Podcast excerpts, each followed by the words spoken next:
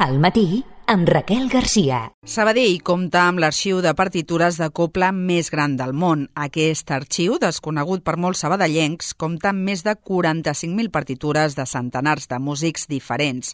L'Helena Molís l'ha anat a visitar i ha parlat amb el seu president i fundador, en Josep Maria Serracant.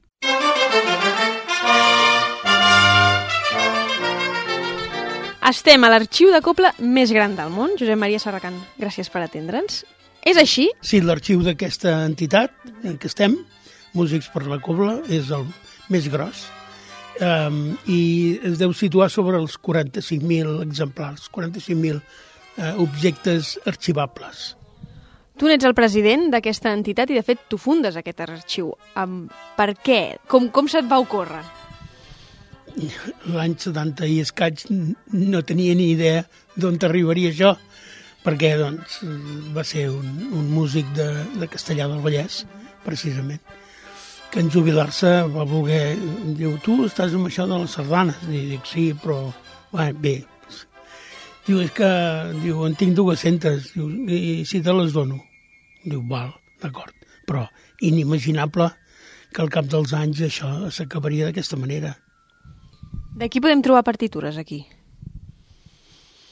De totes les obres, totes, totes les que hem pogut recollir, escrites per, pel grup instrumental Cobla uh -huh. i, en paral·lel a això, eh, totes les sardanes, perquè de sardanes, a part de les escrites per Cobla, n'hi ha, ha per piano, per veu, per orquestra, per qualsevol grup i imaginar per, per un conjunt de flautes, per un conjunt d'acordions, etc. Per tant, les sardanes, encara que no siguin per cobla, també les recollim aquí.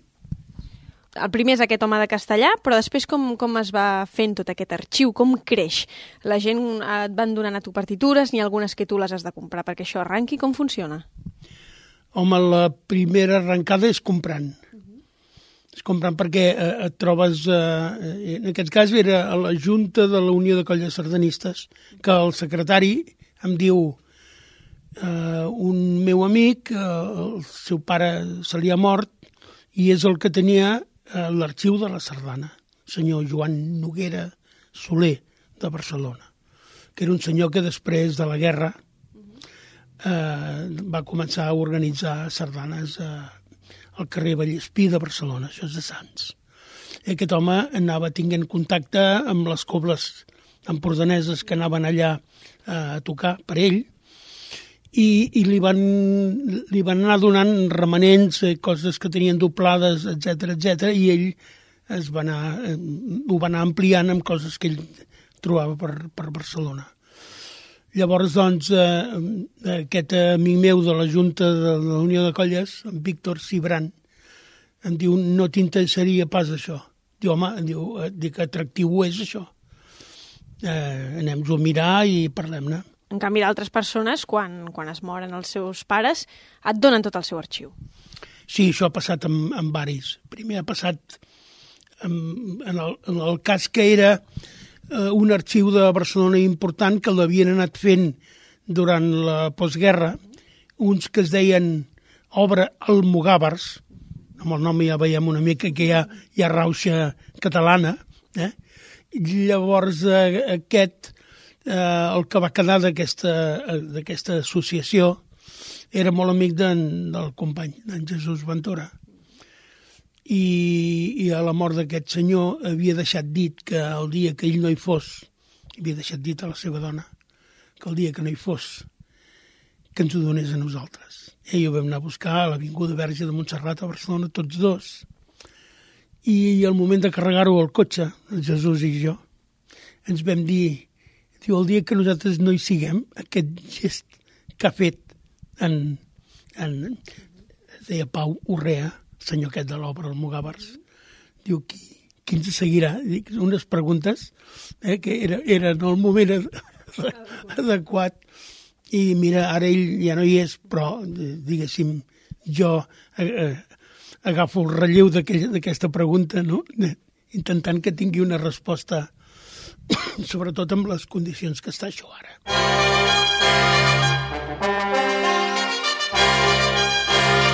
Parlem una mica d'aquest arxiu físicament. Com està organitzat? Quantes sales podem trobar aquí?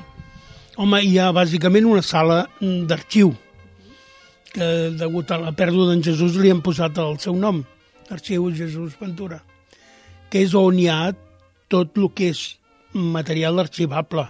I llavors eh, tenim una altra sala dedicada sense pretensions, auditori, on, on, eh, on hi fem les funcions de d'un lloc d'assaig per les cobles i un lloc d'enregistrament. De, Hi ha quatre cobles que venen a assajar contínuament i el lloc d'enregistrament, que abans anàvem a l'Auditori Pau Casals del Vendrell, però Sabadell queda més centrat a Catalunya pels músics que, que venen a gravar. Jo et volia preguntar una mica amb la funcionalitat no? d'aquest arxiu, perquè no és un arxiu digitalitzat, posem en context als oients que ens estiguin escoltant, físicament en aquesta sala hi ha centenars d'arxius, també hi ha caixes amb números, registrament, per què heu creat aquest arxiu? Una mica quina és la seva funció? Uh, aquest arxiu té una, té una funció de servei. No és uh, allò que deia abans amb els cromos, eh? el tengui o falti, no. Mm, mirem de tenir tot el possible. I, i bàsicament en paper. El digitalitzar-ho ve a continuació, que tampoc, eh, tampoc seria just perdre temps digitalitzant segons què si abans no hem digitalitzat segons què altre, no?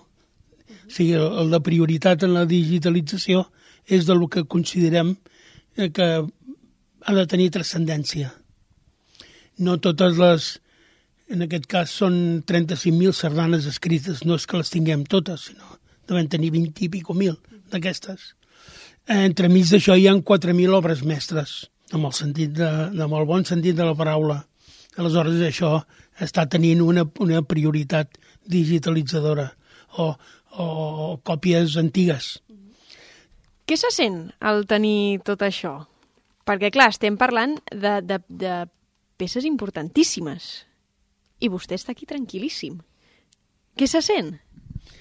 Ara us diré el que ens va dir un director general de, del, del Departament de Cultura. Quan encara no estàvem aquí, estàvem al soterrani de casa, al carrer de Gràcia. Ens va venir a veure perquè ens havia de donar una subvenció i volia veure amb qui se les feia, amb qui se les feia. I érem amb en, amb en, amb en Jesús Ventura i ens diu jo tinc una solució per això. Diu, us faig a tots dos funcionaris del Departament de Cultura i veniu amb tot això cap allà. Diu, però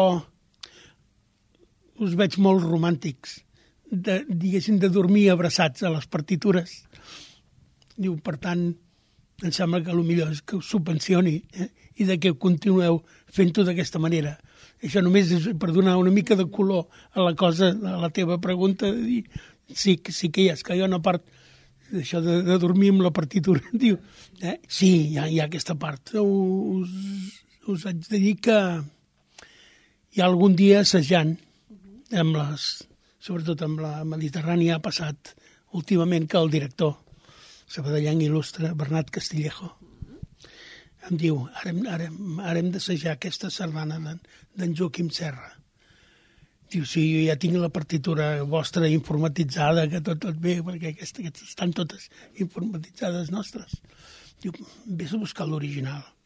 Diu, i, i, i assajarem amb l'original davant. Eh? Hi ha, hi ha, hi ha aquesta, aquesta part de veure un original a llapis on hi ha esborrades i coses tatxades i, i per, per què ho va canviar això? Eh? Perquè, doncs, eh.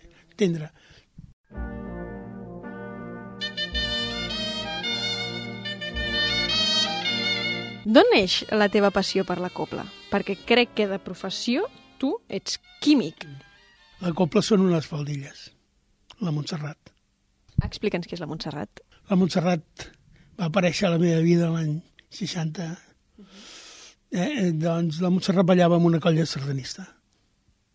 Jo no tenia ni punyetera idea de la cobla, com pot tenir la gent normal. Diu, sí, la Santa Espina, no? Eh, Això, això. Però ella ballava amb una colla i, i, i doncs, eh, anant a darrere d'ella, doncs, doncs em vaig ficar en el món aquest. I de música sí, que en tenia una mica, perquè a casa hi havia un piano, que el meu pare havia tocat el piano, i hi havia llibres de música. O sigui, vaig aprendre pel meu compte, eh? Eh, doncs fent melodies amb el piano de casa, amb, amb, tocant el piano amb un dit, eh? però, però fent melodies, amb poesies, que també hi havia llibres, encara hi són, a casa dels pares, doncs... I em vaig atrevir a escriure una sardana per declarar-me. Vaig fer una sardana que es deia Enamorant-me, li vaig dir amb ella que es deia Enamorant-me, i ella em va preguntar, diu de qui? Digues, jo sempre dic, la tonta em va preguntar això, pensa la tonta, suposo, i li vaig dir de tu. Val, llavors no es va estrenar amb aquest nom, sinó que es va estrenar amb, a la meva Montserrat. És encara millor. L'any 64, i d'aquí pocs dies farà 60 anys d'això. El 13 de març del 63 va passar això de l'enamorant-me. Com et sents ara pensant-hi? Home, ja penses que l'hauries pogut tenir aquí, al costat encara. Es va morir el maig del, del, de, de l'any 10. L'auditori porta el seu nom. L'auditori li hem posat el seu nom, sí. Així és una manera de mantenir-la. A tots els discos ho diu. Enregistrat del dia, del dia tal a l'espai Montserrat Camps de, de Músics per la Cobla, a Sabadell. Tot arreu ho diu. A tot arreu ho... I és la manera de perpetuar el record d'alguna persona, que si no hagués sigut per ella, ara no estaríem aquí amb això, potser estaríem amb una altra cosa. És això de les portes, no? Mm -hmm. Que tens portes per triar, en tries una i, i, i a partir d'aquesta porta oberta surten coses. Si n'haguessis triat una altra, qui sap què. Però sí, i, i llavors, doncs, a partir d'aquest atreviment eh, adolescent, sí, perquè tenia 16 anys, eh? sí, i la Montserrat en tenia 17 i a partir d'aquí jo, jo he anat fent música pel meu, pel meu, pel meu compte he tingut molta gent bona al costat. Josep Maria Bernat, aquell que comentàvem quan veiem una mica la sala com estava, va ser una, una molt bona ajuda amical, perquè ell també era autodidacte, o sigui que ens explicàvem les mancances de l'un a l'altre. Però llavors vaig tenir la gran sort de conèixer el mestre Manuel Oltra, Manuel Altra ha sigut un dels grans del segle XX a Catalunya, tant des del punt de vista pedagògic com, com a compositor. I, i aquest, aquest eh, geni el vaig conèixer que ja devia tenir els, els 70 i pico d'anys. I vaig estar al seu costat fins que es va morir. I no vam fer classes, xerràvem xerràvem el, a vegades al piano davant d'una partitura, li portava música meva i ell, ell se la mirava i em deia dues coses bones. Una em deia, jo no ho hagués escrit pas així. Dic, home, no, Manel, ni molt menys. I l'altre deia, has estat capaç de posar sobre el paper tot el que tenies al cap. Tots aquests records que et fan, eh, que, que et fan emocionar són bons, però, però no és una emoció de, de, de tristesa. Ara, hi, hi, ara, ara, ara és de record, de record maco. I, i veure que, que a partir d'allò ha, ha nascut tot això és, és molt maco i, i a tothom ho explico.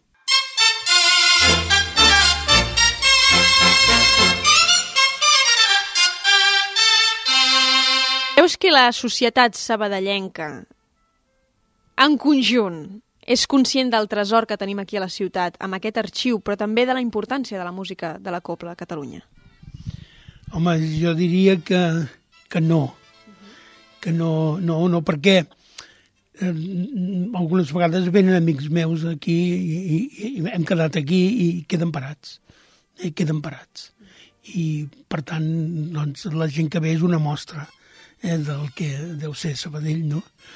Eh, i, i és clar que, que ens agradaria que, que, que es difongués més, però és que no tenim projecció sabadellanca, la projecció nostra sabadellanca és, és, és petita, eh, la, la directa, la que tenim, que és amb les cobles d'aquí, tot plegat. Però, és clar no, nosaltres, eh, la nostra funció abarca tot el Principat. Tens, i, i per tant hi, hi, ha, hi ha més gent de fora que ho coneixen eh, que no eh, sabadellencs. Ja ens agradaria ja que, que tothom al passar per aquí davant digués aquí ha l'arxiu de músics per la cobla. Coi, que maco, què és això? Quina feina més bona que fan. Música